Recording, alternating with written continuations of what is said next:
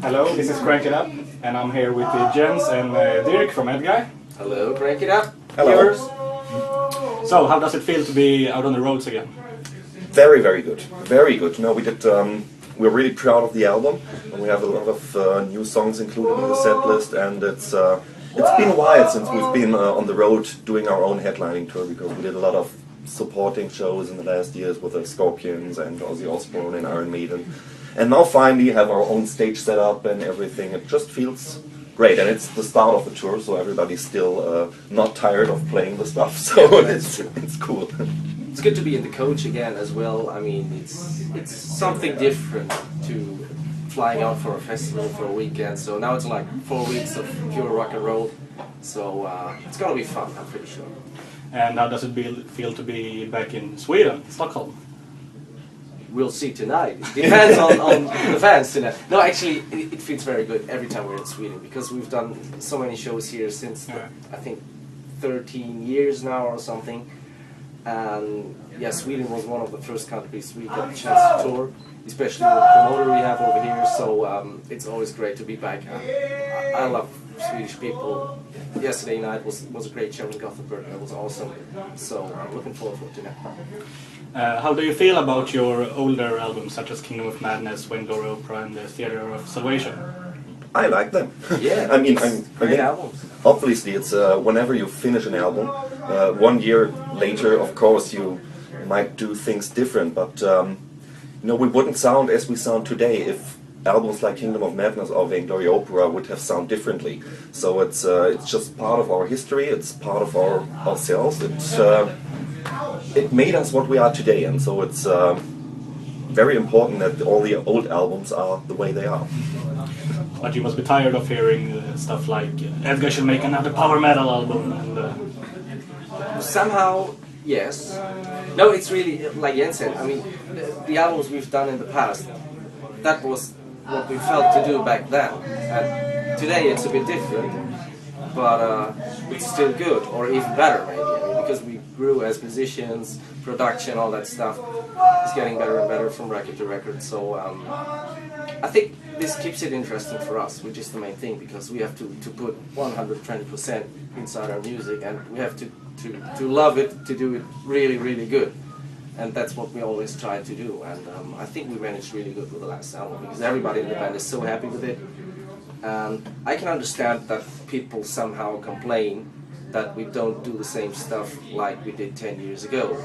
But if we would do the same, they would complain about it sounds like the last album, you know. So it's it's it's hard to do it right, and so we we decided to to focus on what we feel to do, and so we just do it, and um, I think that's the most honest way to, to do records. but with so much uh, material, it must be pretty hard to pick out what songs to play on tour.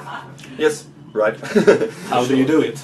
Uh, no, obviously this is the Age of the Joker tour, so um, we play a lot of stuff from the new album. And uh, but we've never played so many new songs from a new album on a tour. But that's just because um, we didn't know which songs we should leave out because they're also so great to play live. And that's why we have a lot of new songs, obviously, and some classic stuff as well. But um, you're right, it gets it's getting more and more difficult with each album uh, to choose songs for a set list because um, well, you can't satisfy everybody. It's just the fact. Some people will always miss some songs and uh, would love to hear different songs, but um, again, we just uh, do what we feel is, is right and uh, what makes us happy, and hopefully the people also. We just yeah decided in the in the rehearsing room.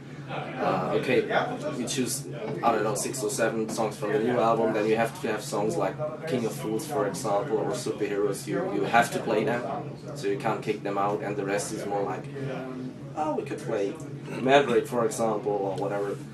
So it's uh, we're gonna change it a bit on tour, I guess, as well. Where maybe a song is kicked out and a new one comes in. So we just see what happens. I mean, at the beginning, before the tour, we had a set list like uh, 120 songs, and then each member cuts out the songs he doesn't want to play, and finally we're with uh, 15 songs. So that's the way it works.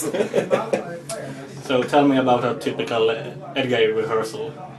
A typical Edguy rehearsal. Um, Coffee, coffee, meeting and sitting down and drinking a lot of coffee and talking a lot first. Yeah. Then playing music the without band the starts singer. to play without Yeah. the singer, and after or during the first or second song, the singer arrives. So there's another coffee break, and even more talking. and then we really start. When you read the booklets to your CDs, it's always like Sammet on the is credited for the writing the songs. Yeah, there's a reason for it. Is he a dictator? no, he's not. but he's by far the best songwriter, I would say. But what will happen if one of you guys came in and, hey, Toby, I want to try to write a lyric? If it's good, I think it's not a big deal. I think it's it's it's yeah, it's a matter of, of I don't know how to say. But uh, I mean, I mean, music. Musically, there are some some ideas from other people as well in the, in the band. But uh, lyrically, uh, for me personally, I don't feel that I have to write lyrics. And uh, I think, from my point of view, uh, the singer should write the lyrics because uh, he's the one who has to transport the message, the emotions that are in the lyrics. So. Um, I can imagine it would be pretty difficult for Toby if, for example, me or Dirk come along with uh, some lyrics and uh, try to explain Toby what we felt while writing the lyrics and telling him to transport it to the audience. It's, I think that's very difficult. So, um, try to make him sing about falling in love in another guy or something. It would well, that, that's actually what you would write about. Maybe that should be a bonus track in your next album. Let's see. But um, do, do you have your chance to contribute to his ideas? Or Yes, is it sure, definitely, yes. when you started Edguy like 1992 Two. uh, did you ever see this coming like you will touring the globe several times Of course. We, No. we knew it back then. I mean, we said that we're going to be rock stars when we were kids, but nobody believed us. But it was fun to say it. I mean, that's the thing you want to do when you start having a band. So, um, but we haven't been that serious while singing that. I mean, that's the, the dream of every musician when you start getting guys together and play some music. You want to do shows, you want to record albums and that stuff. Um, that's what we do now. So, for my taste, I've got the, the best job in the world. I mean, it's, it's just cool. It's really good. And I'm thankful for that. I mean, you have to thank you, the fans, because you make it happen that I come to Sweden tonight to play in Stockholm. And this is just good. so tell me about uh, filming the robin hood video a lot of fun and a very very long day i mean uh, the whole video shoot took 20 23 hours or, Yeah. or something we started at the 5 o'clock in the morning and finished at uh, 4.30 the next morning so it was really a really really long day but it was also a very a very funny day i mean we had uh, Bernhard Hoëcker a very famous german comedian who played two roles in the video, Maid Marian and br- brother Tuck. and it was, uh, he's a really cool guy and it was a great experience to, to work with such a professional actor because we're musicians, we're no actors. We just uh, You're try really able to, to put green tights on and running around in the forest with our bows and smile the whole time, which is actually pretty good. it's a completely different picture of that guy Yes. Yeah, Yeah. but it was really, I think it was the, the first video shoot that really was fun. I usually don't really like it. It's even worse than photo shootings because it's so unnatural, you know? What I like is going on, on stage and play a show. That's what we usually do, so that's good. But uh, this was really fun. I mean, it was really cool. The, the location was nice, so you really had, you have that Robin Hood feeling. Even at the set, it was really it was cool.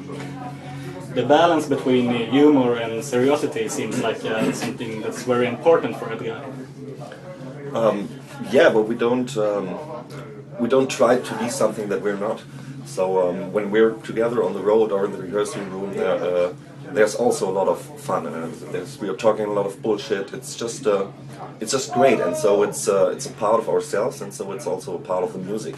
So we really don't focus too much on doing something funny now. It just happens, and if it happens, um, we just don't see any reason why we should leave that part out of the music because it's a big part of our personalities, and uh, that's just the way we are. Uh, so many rock stars nowadays release their autobiographies. They're in reality shows. When when is the Edguy reality show or autobiography gonna come? when we don't have any more success with music like Yeah, this. when we need to do something else to gain more money. what is the chance to see a member of Edguy in like Celebrity Rehab, the German version? Actually, right now, pretty bad, I would say, because there's nobody on drugs except we're smokers. Yeah, but uh, yeah, no alcoholic, nobody's on drugs, so no need for that right now. Repeat that. I think I think we're all smart enough to uh, to know what happens to you if you like uh, party too much, and um, we also want to want to deliver a good show, and uh, especially when you're on tour like for four or more weeks, you can't just be drunk every evening. It's uh, we're not that young anymore that our bodies will will get out of it easily. so you know, it's just um, it just of course it's a lot, a lot of fun when we're on the road.